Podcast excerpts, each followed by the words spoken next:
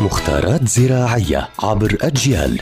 نتعرف في كل حلقة على سر من أسرار عالم الزراعة وفلاحة الأرض مع المهندس الزراعي مجدي عبد الله يعطيكم ألف عافية. أهلا بكل متابعي ومتابعات أجيال عبر منصاتها المختلفة. رح نحكي اليوم عن موضوع مهم وضروري وهو البياض الدقيقي البياض الدقيقي هو مرض فطري يظهر في الظروف البيئية الرطبة الدافئة ويكون في شكل بقع بيضاء على سطح الأوراق القديمة حيث تتحول إلى اللون البني ثم تذبل وتتساقط وهو من أمراض الفواكه التي تنتشر بين الفراولة والعنب وغيرها من الفواكه ذات الأوراق التي تعاني نقصا في الكبريت. يعني البياض الدقيق عبارة عن مرض فطري.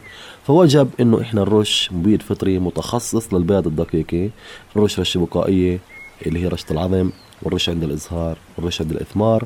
من أجل حماية أشجارنا وحماية نباتاتنا من البياض الدقيقي اللي بيصيبها. هذا موضوع اليوم.